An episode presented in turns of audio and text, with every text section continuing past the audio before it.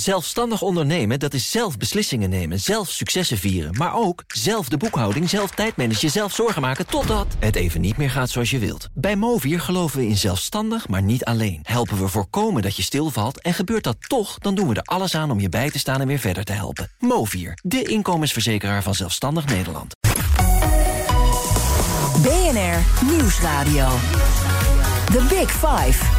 Diana Matroos.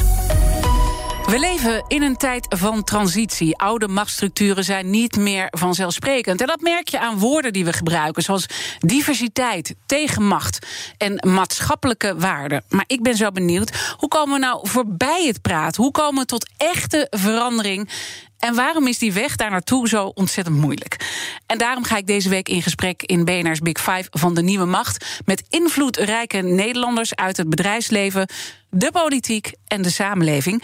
En vandaag is dat niemand minder dan Herman Tjenk Willink, minister van Staat, oud-vicepresident van de Raad van State, is natuurlijk het hoogste onafhankelijke adviescollege van de regering en meermaals informateur geweest, ook nu in deze tijd. Uh, nou ja, net, net eigenlijk de boel uh, afgerond uh, twee weken geleden. Van harte welkom, ontzettend fijn dat u er weer bent. Uh, de Volkskrant noemde u zelfs uh, laatst een onverslijtbare profi, de dik advocaat van de informateurs. Wat vindt u nou van dat soort titels? Nou, ik moet er altijd wel om lachen. Uh, het is natuurlijk waar dat ik loop al een tijdje mee. Uh, ik heb zelf eens gezegd. Het is een beetje armoede dat ze eigenlijk steeds bij mij moeten uitkomen. Dat vind ik ook. Tegelijkertijd realiseer ik me wel dat ik ongelooflijke kansen heb gehad om in verschillende hoedanigheden uh, met de politiek en met het bestuur bezig te zijn, maar ook met kabinetsformaties. Um, en het is heel gek, maar je realiseert je plotseling dat ik in 72, 73 als uh, jong secretaris bij de kabinetsformatie van wat uiteindelijk het kabinet NL zou worden geweest ben. Met Van Achten uh, was dat? En uh, daarna van Acht en daarna alle uh, formaties die vervolgden. Natuurlijk gevolgd en later ook als een van de vaste adviseurs voor de koningin steeds ja, geprobeerd te analyseren wat er aan de hand is. En wat is die, want, want u zegt, nou ik vind het ook wel weer grappig al die complimenten, maar het is ook armoe. Wat is die armoe? De armoede is dat er blijkbaar dus uh, niemand is uh, die uh, ja, dezelfde, dezelfde deel van het collectieve geheugen is. Die, ehm, nou laat ik een voorbeeld noemen. Als je op een gegeven moment ehm, zit je in een bepaalde situatie en dan denk ik, oh ja, dat doet me denken aan 1977. Of nou, we zouden eigenlijk de formule uit 1994 kunnen gebruiken. Um, en ja, dat, dat, dat kan natuurlijk. Uh, niet iedereen heeft die uh, ervaring. Bedoel, mm -hmm. uh, dat komt ook door de leeftijd. Maar we hebben. Waar ik het eigenlijk vooral voor zeg is. We, we moeten vreselijk ehm, opletten. en ervoor zorgen dat het collectieve geheugen wordt overgedragen. En dat dus, is een van de kernproblemen eigenlijk die eronder ligt. Nou, van een, wat van we de, nu een van de zien. dingen is dat we een heel gebrekkig collectief geheugen hebben. Dat zie je bijvoorbeeld bij, uh, in het parlement. Uh, het parlement. Uh, ja, stelt om de zoveel tijd, als er echt iets gebeurt, dus een parlementaire enquête in. Uh, daar komen conclusies uit. En ik ben laatst eens nagegaan, uh, die verschillende enquêtes vanaf de, de jaren tachtig. Mm -hmm. En die conclusies die zijn eigenlijk steeds hetzelfde.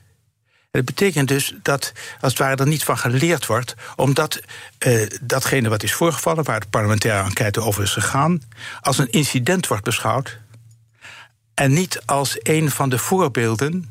Ik zeg wel eens, in elke casus zit het DNA van het systeem. En als je elke casus als incident beschouwt waarvoor een schuldig is aan te wijzen, dan suggereer je als die schuldige er niet was geweest, was het incident had niet plaatsgevonden. Het is veel ingewikkelder. Uh, er zijn systemen die een eigen dynamiek hebben. En je moet als, dus achter dat DNA van dat systeem zien te komen. Ja. Wat ligt er nou achter de uh, onvrede? Uh, wat ligt er achter het wantrouwen? Nou, en als we dan even naar uh, deze formatie gaan, hè, want u heeft natuurlijk intussen uw opdracht afgerond. Maar dan gaat u uh, die gesprekken in en u wordt altijd ingeroepen als het gewoon heel erg moeilijk ligt.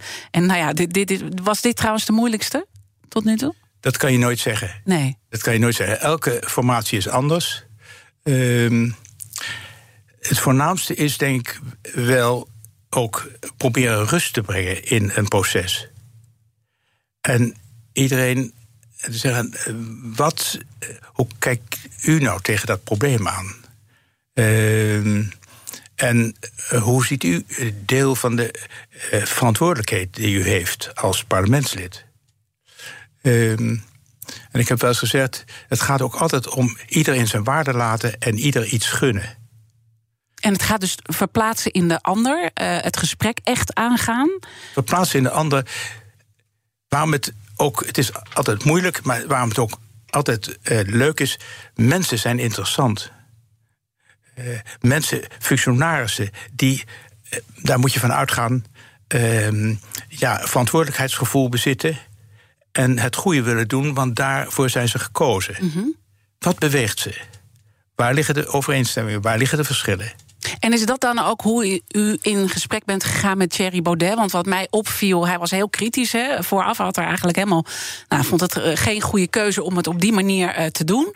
En ik heb al die op, NPO Politiek, heb alles live zitten kijken. En hij komt uh, naar buiten en hij zegt: Ik heb hem onderschat. En hij vond het eigenlijk een heel goed gesprek. Dus dat vond ik heel boeiend. Hij ging erin van. Hij zag het helemaal niet zitten en hij komt naar buiten. Ik heb hem onderschat. Wat, wat, wat gebeurt daar dan in zo'n gesprek? Nou, we hebben over. In dat gesprek, waar ik mag natuurlijk niet uit gesprekken, nee. maar eh, in dat gesprek hebben we vooral gehad over hoe functioneert het systeem nou? Uh, waar zitten jouw zorgen en waar zitten mijn ervaringen? Nou, daar ging het eigenlijk over. En wat is dan wat daaronder ligt, wat dus heel erg helpt om dan ja, iemand toch uh, mee te krijgen in zo'n gesprek, die met heel veel weerzin erin gaat? Wat is de crux? Want we moeten allemaal moeilijke zakelijke gesprekken voeren. Ja, probeer je in de ander te verplaatsen en uh, ja, proberen interessant uh, te zijn voor iemand. In de, in de zin van, oh, daar heb ik iets aan zoals ik zelf de gesprekspartners benader. Uh, dat is niet om iemand te overtuigen, maar erachter te komen: wat beweegt iemand? Wat wil die? Wat zou ik doen in zijn of haar plaats? Mm -hmm. Dus dat is. En een van de dingen die me opviel toen ik die gesprekken inging, was dat eigenlijk iedereen zei: uh, we willen het over inhoud hebben en niet over wie met wie. Wat eigenlijk de, de normale gang van zaken is. Uh, we willen dat er meer ruimte is uh, voor debat. En dat betekent dus meer dualisme en een andere bestuurstijl. Uh, dat betekent dat er een ander soort regeerakkoord moet komen. een regeerakkoord op hoofdlijnen. wat onmiddellijk is vertaald als een dun regeerakkoord. Dat heb ik nooit gezegd. ik wil geen dik regeerakkoord vol met regelingen. Ik vind dat je eerst moet concentreren op de problemen. Voordat je dingen gaat regelen. Niet in de details. En uh, niet in de details gaan. Noem eens een voorbeeld. Wat, wat zou er dan niet in moeten komen te staan? Um, nou, bijvoorbeeld bij klimaat of bij de stikstof is volgens mij van belang niet om niet direct te uh, gaan hebben over de landbouw of de veestapel moet 50% minder. Maar eerst zijn we het eens over het probleem en de feiten die dat probleem bepalen. Want is dat niet het boeiende eigenlijk, uh, dat we heel vaak met elkaar uh, in gesprek zijn zonder dat we het eens zijn over het probleem? Dat heeft u ook wel zo op die manier benoemd. Ja, dat is wat ik vaak als mensen iets vragen zeggen: wat is het probleem eigenlijk en wie heeft het? Uh, zijn we het over dat probleem eens? Als je het over een probleem eens bent, heb je 50% van de oplossing. Ja. Um, en het was dus interessant om te constateren dat er dus een aantal uh, gemeenschappelijke uitgangspunten waren. Uh, waarbij uh, de prioriteit door iedereen werd gelegd. Dus we moeten inhoudelijk aan de gang. De prioriteit werd door iedereen gelegd bij transitiebeleid. Dus en zo hoe kom je komen tot we uit de, uh, de COVID? Ja. Uh, en dan toch uh, geeft u aan in uw, kamer, of in uw brief aan Kamervoorzitter Bergkamp. Er was een gevoel van ongemak. Toch na al die gesprekken was er een gevoel van ongemak bij u. Wat is dat ongemak? Nee, het ongemak zat niet in die gesprekken. Het uh, blijkt toch een, een, moeilijke term te zijn. Uh, er werd gezegd dat er algemeen ongemak was. Nee, het was mijn ongemak. En mijn ongemak zat niet bij de gesprekken. Maar mijn ongemak zat in het feit dat. Uh, zes weken na, of vier weken toen nog, na de verkiezingen. De formatie eigenlijk nog moest beginnen.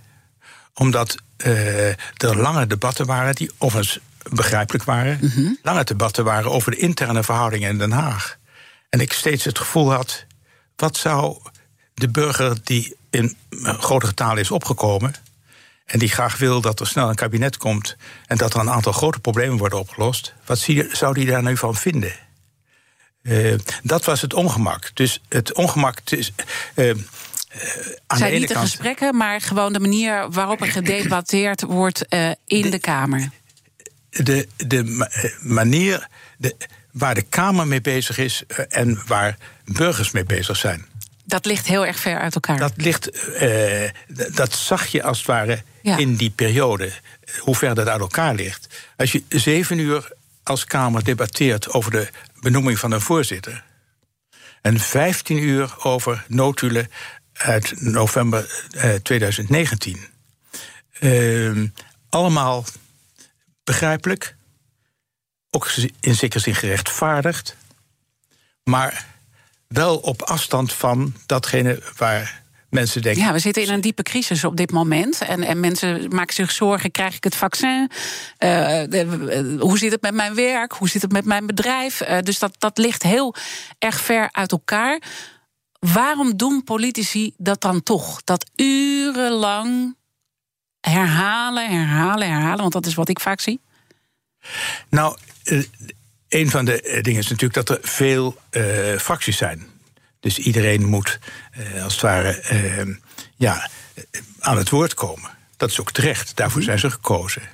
En het is ook terecht dat de Kamer ehm, ja, controle wil. Ehm, dus het probleem in dit soort gevallen is vaak dat er verschillende rationaliteiten tegelijkertijd zijn. En de kunst is om die twee te combineren. En om als daar niet één rationaliteit, namelijk de Haagse, volstrekt de overhand te laten krijgen over dat de rationaliteit waarin de werkelijkheid waarin burgers leven. Ehm, en de Kamer moet bij zichzelf nagaan. Dat is ook een van de dingen. Kijk, er eh, werd algemeen gezegd nieuwe bestuurscultuur. Uh, ja, wat verstaan we daar dan onder? En wat bevalt ons dan niet aan de oude? Uh, ook daar geldt altijd nieuw leiderschap hebben we nu ook. Uh, de vraag is, waarop is dat een antwoord? The Big Five. Diana Matroos. Deze week praat ik met vier prominente Nederlanders over nieuwe macht. Eerder deze week sprak ik met de CEO van PostNL, Herna Verhagen... en met de nationale ombudsman Reinier van Zutphen. Die gesprekken zijn natuurlijk terug te luisteren in onze BNR-app. Morgen sluit ik de week af met voormalig topman van Unilever Paul Polman. En mijn gast vandaag is minister van Staat Herman Tjenk Willink... en schrijver van het boek Groter Denken, Kleiner Doen. En dat is ook heel erg belangrijk uh, voor uw gedachtegoed. Daar hebben we eerder ook uh, in september over gesproken in BNR's Five van de crisisraadgevers. Um, u zegt net die nieuwe bestuurscultuur, want daar hebben we het steeds over: nieuwe macht, uh, nieuw leiderschap. Um, heeft u enig idee dat men weet wat ze daar nou mee bedoelen? Nou, dit, dat nieuwe leiderschap deed mij erg denken aan een uh, speech die ik nog weer eens heb opgezocht uh, in 1985. En dat ging over, het was een congres. Uh, ik heb nog even opgezocht. Management bij de overheid het belang van een nieuw elan. En mijn speech luidde nieuw elan of nieuwe illusie. En uh, op een gegeven moment komt er dus een term op waar allerlei problemen onder worden geschoven. En iedereen neemt die term over zonder eigenlijk na te gaan of men over hetzelfde probleem heeft. Dus eigenlijk weer hetzelfde waar we het net over Precies. hadden. Dus, ja. dus ehm, dat etiket wat erop wordt geplakt, waar iedereen denkt, maar dat is de oplossing. Ja, is mijn vraag dan voor welk probleem? Dus we moeten eigenlijk weer een stap terug hier. Ja, altijd een stap terug doen, want anders dan eh, wordt het een, een, ja, nou wat ik zeg, een etiket. eh, waar niemand greep op krijgt. Dat is ook een van de redenen geweest dat ik eh, in mijn eindverslag en een bijlage daarbij heb zeggen: waar hebben we het nu over als we het over een nieuwe bestuurscultuur hebben? Wat, en wat stelt dat voor eisen aan en de Kamer en eh, het kabinet? Ja. Ehm, En de samenleving, want daar gaan we zo meteen ook nog eh, over praten. Maar als we dan even die stap terug doen, hè, welke vraag zouden we dan eigenlijk met z'n allen moeten stellen? Nou, we zouden de vraag moeten stellen, eh, bijvoorbeeld. ehm, eh, hoe, hoe komt het nou eh, dat het eh, vaccinatiebeleid. eh, dat het niet loopt zoals velen hadden verwacht. En waar ook, denk ik, de minister had gedacht. Hoe komt het nu dat er wantrouwen is? Waar komt dat vandaan? Hoe komt het nu dat de menselijke maat is verdwenen? Daar zijn allemaal oorzaken voor te vinden. En vervolgens is de vraag: ehm, kunnen we die oorzaken wegnemen? Anders is het dweilen met de kraan open. En is voor het wegnemen van de oorzaken een ander type leiderschap nodig? En zo ja, wat dan? Ik mag er daarbij op wijzen dat ehm, bij de overheid, als je zegt een nieuwe leiderschap in de overheid, direct de vraag rijst: en wie moet dat dan wezen? Is dat een politicus? Of is dat een topambtenaar die nieuwe leider moet zijn? Of is dat eh, de, het bestuur van eh, eh, onafhankelijk geworden uitvoeringsorganisaties? Dus ehm, waar lokaliseer je dat dan? Ja, wie heeft welke verantwoordelijkheid en- in, in dit verhaal? En eigenlijk wat we zien wat er gebeurt, en, en daar hamerde u ook op in een van uw stukken. We wijzen een schuldige aan. Dat is de reflex die we nu zien. Dat is misschien ook wel weer voor te stellen, want er zijn heel veel dingen misgegaan. Hè. Ik noem maar even de toeslagenaffaire. En het hele kabinet is daar natuurlijk uh, over gevallen. Er zijn veel meer uh, problemen die zich afspelen. Waarom uh, zegt u toch zo met klem: stop met de schuldigen aanwijzen? Omdat schuldigen, dat, dat suggereert altijd dat iemand persoonlijk niet deugt. En het gaat eigenlijk altijd over de vraag: heeft iemand zijn functie goed uitgeoefend? Mm. Maar daarnaast denk ik dat een van de problemen is. Er is een mooi boek van Jesse Frederik over uh, de uh, toeslagenaffaire. Uh, zo hadden we het niet bedoeld. En die geeft heel goed aan dat eigenlijk niemand schuld is. Dat als het ware dit de consequenties zijn van de wijze waarop we naar de overheid zijn gaan kijken. De overheid als bedrijf. Uh, de wijze waarop we de economie in alles voorop hebben gesteld. De wijze waarop we de, de, de burger als uh, klant- en kostenpost hebben beschouwd daar komen een aantal van die problemen uit voort. En dat hebben we met z'n allen gedaan. En overigens zit dit ook in alle uh, economieopleidingen. Hè. Is dat ja. heel erg verweven? Ja. Uh, de, de, de Milton Friedman benadering die overal uh, doorheen klinkt. Dus we hebben dit met z'n allen gedaan. Toch heeft u eerder bij mij in de uitzending gezegd... heeft u Einstein aangehaald. Je kunt het probleem niet oplossen met het denken dat het heeft veroorzaakt. En dat vindt u een heel belangrijke zin. Dus dan vanuit die gedachte van Einstein, hoe, hoe kunnen dan de leiders die hier allemaal bij waren dat opnieuw toch gaan doen? Je kunt je denken veranderen. We hebben eh, tenslotte in de jaren tachtig zijn we ook in managementtermen gaan denken. Dat was daarvoor ook niet. En de vraag is dus: um, hebben we een alternatief voor dat denken? In welke richting zou je dan moeten denken? En uh, nou, dat hebben we al eerder besproken in mijn gedachtegang. Uh, is dat het denken in de termen van de democratische rechtsorde. Dus het functioneren van de overheid binnen de normatieve context van democra democratie en recht. Uh, Want dat is wat ons bindt. Uh, we, we zijn, is, dat uh, is door wat, de ontzuiling zijn dingen natuurlijk weggevallen. Ja, en dat is wat ons dat, bindt. Dat is wat ons bindt. Maar wat als het ware ook de rechtvaardiging is voor het functioneren van de overheid. Ehm, we willen een democratische overheid zijn, dat betekent ruimte voor verscheidenheid. We willen een uh, rechtsstaat zijn. Uh, dat betekent dat uh, ieder gelijk is voor het recht. -hmm. En dat er rechtvaardigheid wordt betracht. nou, dat is in de toeslagenaffaire bijvoorbeeld grandioos misgegaan. En een van de dingen die daar, ehm, denk ik, een oorzaak van zijn, is dat we A niet meer weten wat precies de regels zijn van die democratische rechtsorde.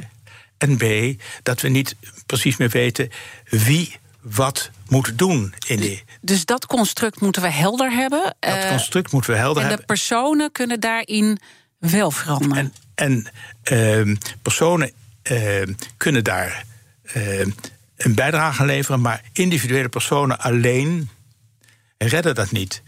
Je moet dus een beweging op gang zien te krijgen dat uiteindelijk ook politici, die, uh, in ons stelsel geldt het primaat van de politiek. Dus de eindverantwoordelijkheid ligt daar.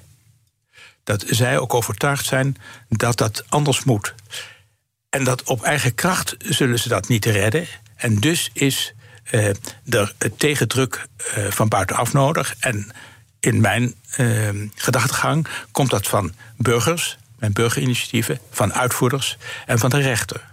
Laten we daar dan zo meteen uh, over verder praten. Hoe we die dus echt uh, naar die volgende stap kunnen brengen. Want we staan echt nog maar aan, aan het begin. Mijn gast in BNR's Big Five van de Nieuwe Macht is minister van Staat Herman Cenk Willink natuurlijk betrokken bij deze informatie. Twee weken geleden die opdracht afgerond. Want Mariet Hamer is natuurlijk nu de huidige informateur. En daar gaan we het natuurlijk ook over hebben hoe zij dat allemaal doet. Dat dus allemaal in het tweede deel. En ook over het diepere wantrouwen. Waar komt dat toch vandaan? Tot BNR Nieuwsradio. The Big Five. Diana Matroos. Welkom bij het tweede halfuur van BNR's Big Five. Deze week praat ik met vier prominente Nederlanders over nieuwe macht. Eerder sprak ik daar deze week over met de CEO van PostNL, Herna Verhagen, en met de nationale ombudsman Reinier van Zutphen. In onze BNR-app zijn al die gesprekken terug te luisteren. Morgen sluit ik de, we de week af met Paul Polman, de voormalig topman van Unilever. Mijn gast vandaag is Herman Tjenk Willink, minister van Staat en voormalig informateur en schrijver van het boek Groter Denken, Kleiner doen. Um, we zaten net ook eventjes op het punt uh, dat nieuw leiderschap. Uh, weten mensen wat dat nou uh, precies betekent? En de vragen die we dan daarachter moeten stellen. En daarbij viel ook wantrouwen. Waar komt dat wantrouwen, dat diepe wantrouwen, wat we eigenlijk overal zien? Hè? We zien het in de politiek, maar we zien het ook tussen samenleving en bedrijfsleven. Waar komt dat nou vandaan? Daar heb ik natuurlijk ook mijn hoofd over gebroken. Ook naar aanleiding van uh, uw gesprek gisteren met de Nationale Ombudsman, waar dat ook aan de orde kwam. Uh, allereerst denk ik dat we ook uh, moeten oppassen dat we elkaar niet dingen aanpraten. Ik denk dat er tegelijkertijd tussen mensen nog heel veel vertrouwen is. Maar als je nu uh, nagaat waar komt dat wantrouwen vandaan, dan zijn er denk ik een aantal mogelijke oorzaken. ten eerste het misschien het gevoel geen greep meer te hebben op uh, de eigen leven en eigen omgeving. Uh, hoe komt dat nou? Er geen, uh, ja, daar ook niet helemaal de vinger achter krijgen waar de oorzaak zit. Dat maakt wantrouwig. Ehm, verwachtingen die door de overheid zijn gewekt, of die men van de overheid heeft, en die niet worden waargemaakt. -hmm. waarom uh, zou je een overheid vertrouwen uh, als die zelf niet betrouwbaar is. Uh, dan ehm, ook door de onduidelijkheden en eh, in elkaar overlopende verantwoordelijkheden. Wie is nu eigenlijk aanspreekbaar voor wat? dat wekt ons wantrouwen van ja, ze verschuilen zich achter elkaar en ze doen maar wat. Het is één pot nat. Ehm, en ik denk dat dat allemaal nog versterkt wordt door de onzekerheid die ook de COVID-pandemie heeft veroorzaakt. Uh, en dat uh, is een anoniem en ongrijpbaar virus dat alleen gekend wordt uh, door zijn gevolgen voor de gezondheid, voor de economie en voor onze wijze van leven en samenleven. Nou, daar zijn denk ik een aantal elementen waarvan je zegt, nou, daardoor kan je begrijpen dat mensen een ongemakkelijk gevoel hebben en daardoor wantrouwig worden. Mhm. en, en hoe belangrijk uh, zijn onze gemeenschappelijke waarden in dat verband? Hè? Want uh, tuurlijk, de coronacrisis heeft heel veel uh, blootgelegd. Maar in ons eerdere gesprek gaf u ook aan van ja, er was eigenlijk al een crisis gaande. En daar moeten we veel meer aandacht aan besteden. dus als we dan naar die crisis waar we eigenlijk al in zaten, terwijl het, het leek goed te gaan, maar dat was dus niet zo. Wat, he, wat heeft dat dan? Wat, wat zit daarachter? Het interessante van die coronacrisis onder andere dat het een vergrootglas legt op een aantal al bestaande problemen in de maatschappij. Mm -hmm. uh, en op uh, bestaande problemen in het functioneren van die overheid. En daarom kun je ook niet zeggen uh, back to normal. En dat is wel Want- de reflex die we natuurlijk een Want- beetje zien. Iedereen wil het zo graag. Er zijn een aantal dingen waarvan we moeten constateren dat ze niet normaal waren. En waarom zou je teruggaan naar iets wat niet normaal moet zijn? Ehm, en dat alles, wat is normaal en wat is niet normaal, wat doen we wel, wat doen we niet, dat meet je aan iets af. En dat is waarom ik altijd zo pleit voor die democratische rechtsorde. De, de grondregels van de wijze waarop de overheid met zijn burgers en de burgers met elkaar omgaan. Daar hebben we het in september ook over gehad. Ja, want dat zijn dus die speelregels. dus die eh, spelregels, dus die ehm, eh, ja, tolerantie, ehm, eh, gematigdheid, ehm, rechtvaardigheid, ieder het zijne. Mhm. Dus dat, dat hele stelsel waarin de sociale grondrechten ook een belangrijk element zijn. Dus dat zijn de verantwoordelijkheden, de kernverantwoordelijkheden van de overheid. Goed onderwijs, eh, zorg voor het milieu. Eh, nou, zo zijn, is er een hele rits. Eh, werkgelegenheid. En daar, als wij, we moeten voor onszelf opnieuw formuleren hoe we die democratische rechtsorde inrichten. en eh, eh, ja, hoe we de problemen daarin oplossen. Zodat iedereen weer het gevoel heeft: ja, we hebben iets gemeenschappelijks. Het is heel interessant om te zien dat na 35 jaar in mijn opvatting dus, sluipende uitholling van de democratische rechtsorde, bijna op elk terrein eh, de roep om herwaardering en eh, groot onderhoud eh, klinkt. En daarbij wordt vaak gezegd dat het gaat om geld. Daar gaat het natuurlijk ook om. Maar het gaat vooral om een andere wijze van kijken naar en denken over die overheid.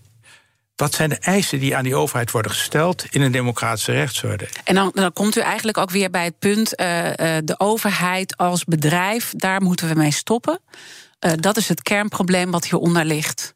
Ja, en, en de sterke nadruk op eh, de, de economie als het e- enige en al zaligmakende. Als dat maar goed gaat, dan gaat het met ons allemaal wel goed. Dat blijkt niet het geval te zijn. Dat is ook een van de interessante dingen van de coronacrisis. Dat als het ware op het moment dat die winkels dicht zijn, plotseling blijkt hoe belangrijk maatschappelijk welzijn is. Ehm, op het moment dat eh, er social distancing is, blijkt hoe belangrijk nabijheid is. En dat er dus grenzen zijn aan de individualisering, die de afgelopen jaren eh, natuurlijk een, een belangrijke maatstaf was. Eh, Nou ja, en ook zelfredzaamheid. Hè? Je moet het allemaal zelf doen. Nou, het, dus al, al die dingen die komen als het ware in een ander licht te staan. En je ziet tegelijkertijd hoe eh, dwingend dat oude denken is. Want eh, het blijkt, eh, als we tenminste het kabinet mogen geloven, voor de gezondheid eh, schadelijker om naar een museum of naar culturele instellingen te gaan. dan naar eh, te gaan winkelen of op een terras te zitten. ja, dus, dus daarin worden die afwegingen En- eigenlijk nog vanuit het oude denken gemaakt. Dat is dus, eh, dat, eh, terwijl we tegelijkertijd zien dat het maatschappelijk welzijn belangrijk, even- tenminste even belangrijk is Ja. als de economische ontwikkeling. Dat we zien dat eh, de sociale cohesie tenminste even belangrijk is als het individuele eh, welbevinden. Ehm, gaat dat oude denken natuurlijk door. Ja. Nou, daar moeten we. eh, dat hebben we niet in één klap van. Nee, want dan is het dus heel boeiend om te kijken... zijn we nou al opgeschoten eigenlijk? Want we hebben het er dus wel steeds over, over nieuw leiderschap, nieuwe macht. Maar als ik ook even kijk naar de Kamer, de reflex... naar de hele verkenningsperiode, eh, is dan we gaan vanuit wantrouwen nog meer controleren. Eigenlijk zoals we ook met de burger zijn omgegaan. Want dat vertelde de nationale ombudsman gisteren ook. Van het zijn fraudeurs. Er wordt uitgegaan van het slechte van de ander. U zegt ook, we zijn gewend om schuldigen uh, aan te wijzen. Is het dan handig hoe de Kamer zich opstelt dat we opeens naar volledige transparantie willen? Niets meer in achterkamertjes, geen vertrouwelijke gesprekken meer. Dat is toch gewoon niet de oplossing? Nee, maar het, het, interessante is wel dat dus het probleem boven water gevaar is en dat we het daarover hebben. Laten we wel. Dat is de winst. Dat is de winst. Mm -hmm. dat we, zoals we doen gebruikelijk, uh, wat aan het doorslaan zijn, dat is onvermijdelijk. Uh, wat vervelend is, is dat uh, als iedereen alles moet openbaar dat uh, ja, veel mensen niet durven zeggen dat is onzin. Dus we moeten ook een beetje uh, ons gezond verstand gebruiken en zeggen: meer openbaarheid, dat is prima. Mm -hmm. Dat is veel minder riskant dan je, uh, we allemaal hadden verwachten. Maar alles openbaar is onzin. Dus dat doen we ook niet. Dat was toen ik begon als informateur. Uh, was de motie Wilders, Eertmans. Uh, alle uh, verslagen moeten openbaar worden. Uh, en vervolgens zei ik ja. dat sluit niet uit dat ik vertrouwelijke gesprekken voer. Nou, schande natuurlijk. Ja. ik zei, maar als de opdracht is herstel van vertrouwen, dan dat is een onmogelijke opgave. Ja. Als ik niet onder vier ogen mag spreken. Nee, dus, dus uiteindelijk moet, moet uh, ook het uh, parlement moet ook weer in vertrouwen met elkaar gaan werken. En nu zie je dat er vanuit wantrouwen. Uh, ja, het interessante, interessante is toch dat als je zo'n debat ziet.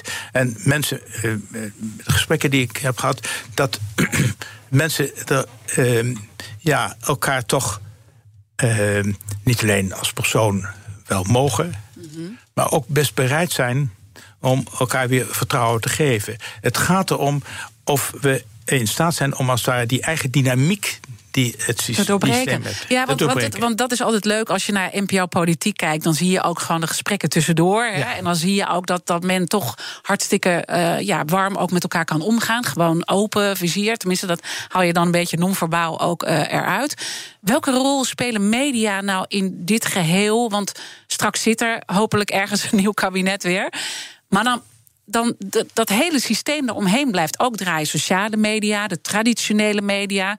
Misschien ook wel de heigerigheid, de korte termijn. Dat is inderdaad een probleem waar, we, eh, waar ook de media zelf. Ik heb een paar keer in een tussenzin bij persconferenties gezet.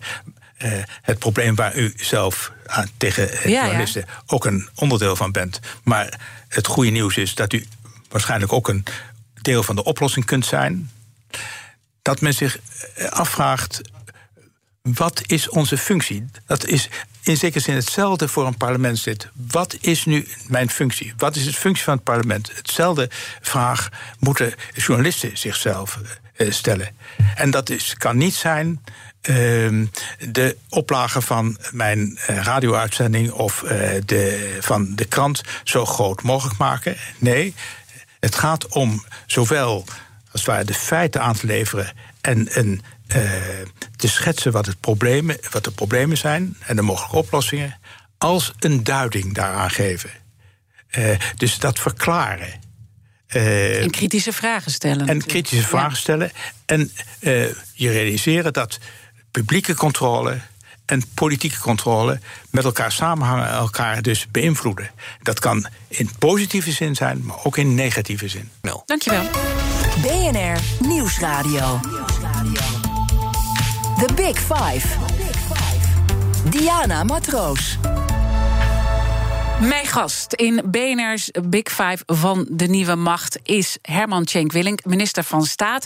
En mijn gasten stellen elkaar vragen via de kettingvraag. Ik sprak uh, in de vorige aflevering via al een aantal keer de nationale ombudsman Reinier van Zutphen en hij had deze vraag voor u. Er wordt heel veel gesproken als oplossing voor alle problemen. Van panacee voor alle kwalen is maatwerk. Er moet maatwerk komen in de wetten. Er moet maatwerk komen in de uitvoering. Er moeten zelfs maatwerkbeschikkingen komen in de wet maatschappelijke ondersteuning. En ik vraag me af wat nou eigenlijk volgens Cenk Willink het echte maatwerk is. En wanneer we dat gaan gebruiken. uh, ik kan niet zo verschrikkelijk veel met dat woord maatwerk, inderdaad. Omdat ik soms het gevoel heb, zeker als ik hoor wat uh, de ombudsman uh, allemaal voor voorbeelden noemt, dat het meer een uiting is van het probleem, namelijk alles van tevoren regelen, dan een mogelijke bijdrage aan de oplossing. Um, maatwerk, um, volgens mij, dat heeft dus ook iets met menselijke maat te maken. En menselijke maat is een normatief begrip. Maar ik heb uh, bij de uh, tijdelijke commissie uitvoeringsorganisaties ook gezet. Als je het nu eens vervangt door de individuele mens kunnen zien. En dat, uh, degenen die dat kunnen, dat zijn de uitvoerders van beleid, de professionals op de werkvloer. En voor het maatwerk wat mij voor ogen staat, is ruimte voor die professional op de werkvloer om uiteraard binnen het kader van de wet en met een aantal duidelijke uh, eikpunten zelf te beslissen wat rechtvaardig is en billig is in het concrete geval. Ja, dus, dus de, de maximale controle eh, loslaten. Want, want dat is wat er eigenlijk nu uh, de reflex is: om elkaar continu te controleren vanuit een, een, een basis slecht gevoel over de ander. Dat wantrouwen weer. Uh, wat we dus moeten overwinnen door de speelregels rondom de democratische rechtsorde. beter te kennen. Dat ja. is ook, ook, ook gewoon die historie goed ja. kennen. En als we dan even kritisch naar uh, de Kamer zelf kijken, want we hebben het wel over de, de leiders gehad van de vorige coalitie, maar als we naar de Kamer zelf kijken, die hebben natuurlijk daar ook een taak te verrichten. Zeker, want de Kamer heeft twee hele belangrijke taken: de medewetgeving. En uh, medewetgeving betekent ook het besef dat wetten ook recht zijn. Dus niet een beleidsinstrument, maar dus aan bepaalde normen moet voldoen. Mm -hmm. En wat de Kamer. Eh, ten eerste blijkt uit eh, onderzoek van Investico dat de Kamer eigenlijk minder tijd is gaan besteden aan de kwaliteit van de wetgeving. Waarom? En omdat de actualiteit. Uh, omdat allerlei andere taken ook op die Kamer afkomen. Gedeeltelijk ook uitgelokt door de media, daar hadden we het zo net over. Ja. Uh, en uh, dit ook een ingewikkelde taak is, die niet uh, lekker scoort. Ja. voor de, maar wel hoogst noodzakelijk, want de wet is tenslotte. Ja, dat geeft de, de, de lijnen aan waarnaar we ons moeten gedragen. En ook de uitvoerders kunnen gedragen. En dat betekent dus dat je dat niet al te gedetailleerd moet doen. Want anders uh, worden uh, burgers, mensen met problemen, worden modellen, worden objecten en geen subject. Ja, dat, is, dat is weer dat managementdenken. En, en dat is managementdenken, maar de managers houden niet van differentiatie, want dat is kostbaar. En algoritmen kennen geen mensen. Dus het steeds meer uh, ICT-systemen te gebruiken, hoe goed dat ook kan zijn, betekent ook vaak ontmenselijking juist van de, van de mensen die de overheid het meeste nodig hebben. En dat bedoel ik met menselijke maat, de individuele mens kunnen zien. En dat is dus degene achter het loket. Uh, of degene ja. achter de telefoon. Maar dus ook de, de inhoud die daarachter zit en daar dus uh, veel tijd aan besteden. Uh, daarmee zegt u ook, bureau wetgeving moet worden versterkt. Ja, en de tweede taak die de, de Kamer heeft, dat is controle op de effecten van beleid. Dus niet alleen controle op het beleid dat gevoerd gaat worden, maar de controle op de effecten en de uitvoerbaarheid van het beleid dat is vastgesteld. En die controle is traditioneel buitengewoon uh, miniem door de Kamer. Dus zowel de wetgeving en de kwaliteit van de wetgeving. En, te weinig, en, en niet alles dicht regelen als de controle op de uitvoering. Dat zijn twee zwakheden uh, in het werk van de Kamer op dit moment. Ja. En zolang dat niet verbetert. Kijk, de kindertoeslagenaffaire begon in politiek Den Haag. Dat waren politieke beslissingen -hmm. in, in een reeks van jaren. Dus we kunnen nu wel gaan schieten op die Belastingdienst. Maar als een aantal politieke beslissingen niet waren genomen, was uh, het hele probleem niet ontstaan. Uh, en dat betekent niet. En nu gaan we dus schuldig aanwijzen. Maar nu bij de Kamer, nee, hoe komt dat? Hoe voorkomen we dat? Ja, en dat is de vraag die we elke keer uh, moeten stellen. Misschien is het in dat verband ook mooi om de kettingvraag ook weer door te geven voor mijn gast uh, morgen. Uh, dat is zoals gezegd Paul Polman, de voormalig topman van Unilever. En nu heel erg bezig met grote duurzame transities in een vrije rol. Wat zou u van hem willen weten? Ik zou willen weten dat nog los van de newspeak nieuw leiderschap over veranderingen gaat. En verandering betekent ook altijd doorbreken van bestaande machtsverhoudingen. En soms lukt dat, en vaak lukt dat niet. En wat zijn naar uw eigen ervaringen de voornaamste voorwaarden waaronder dat lukt? En welke rol kan dat nieuwe leiderschap daarin spelen? Dat zou mijn vraag aan Paul Polman zijn, ook gelet op zijn ervaringen als CEO van Unilever. Ga ik hem zeker uh, vragen. En morgen horen we dan het uh, antwoord.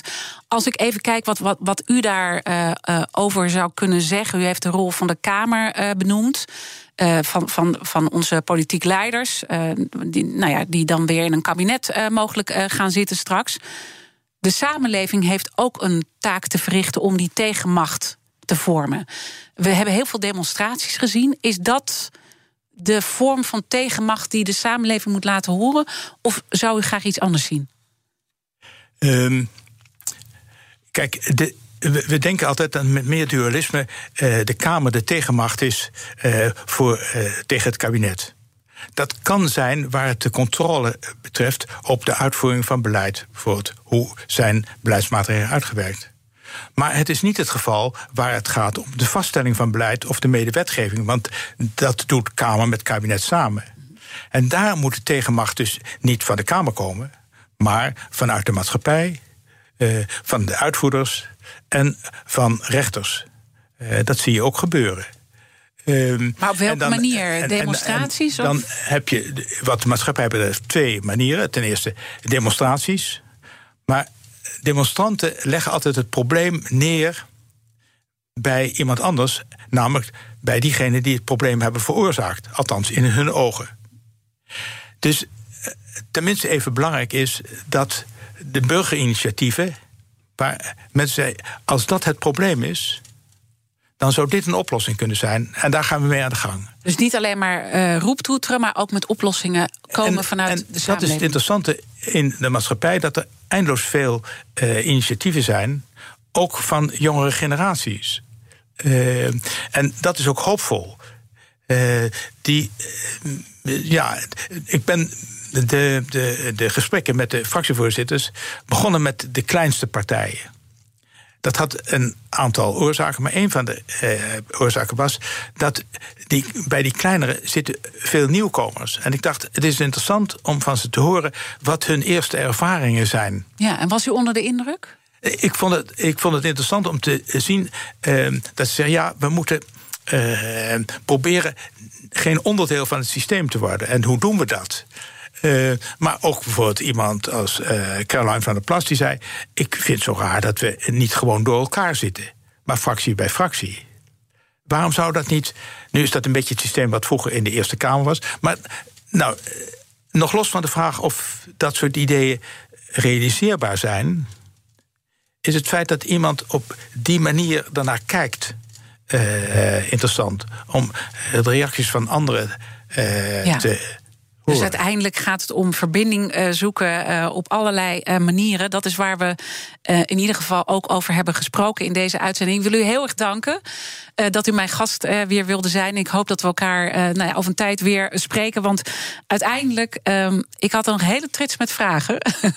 ook ik als het gaat een hele trits met antwoorden. dan praten we daar volgende keer over verder. Dank Herman Schenk Willink in BNR's Big Five van de Nieuwe Macht. Zelfstandig ondernemen, dat is zelf beslissingen nemen, zelf successen vieren... maar ook zelf de boekhouding, zelf tijdmanagen, zelf zorgen maken... totdat het even niet meer gaat zoals je wilt. Bij Movier geloven we in zelfstandig, maar niet alleen. Helpen we voorkomen dat je stilvalt en gebeurt dat toch... dan doen we er alles aan om je bij te staan en weer verder te helpen. Movier, de inkomensverzekeraar van Zelfstandig Nederland.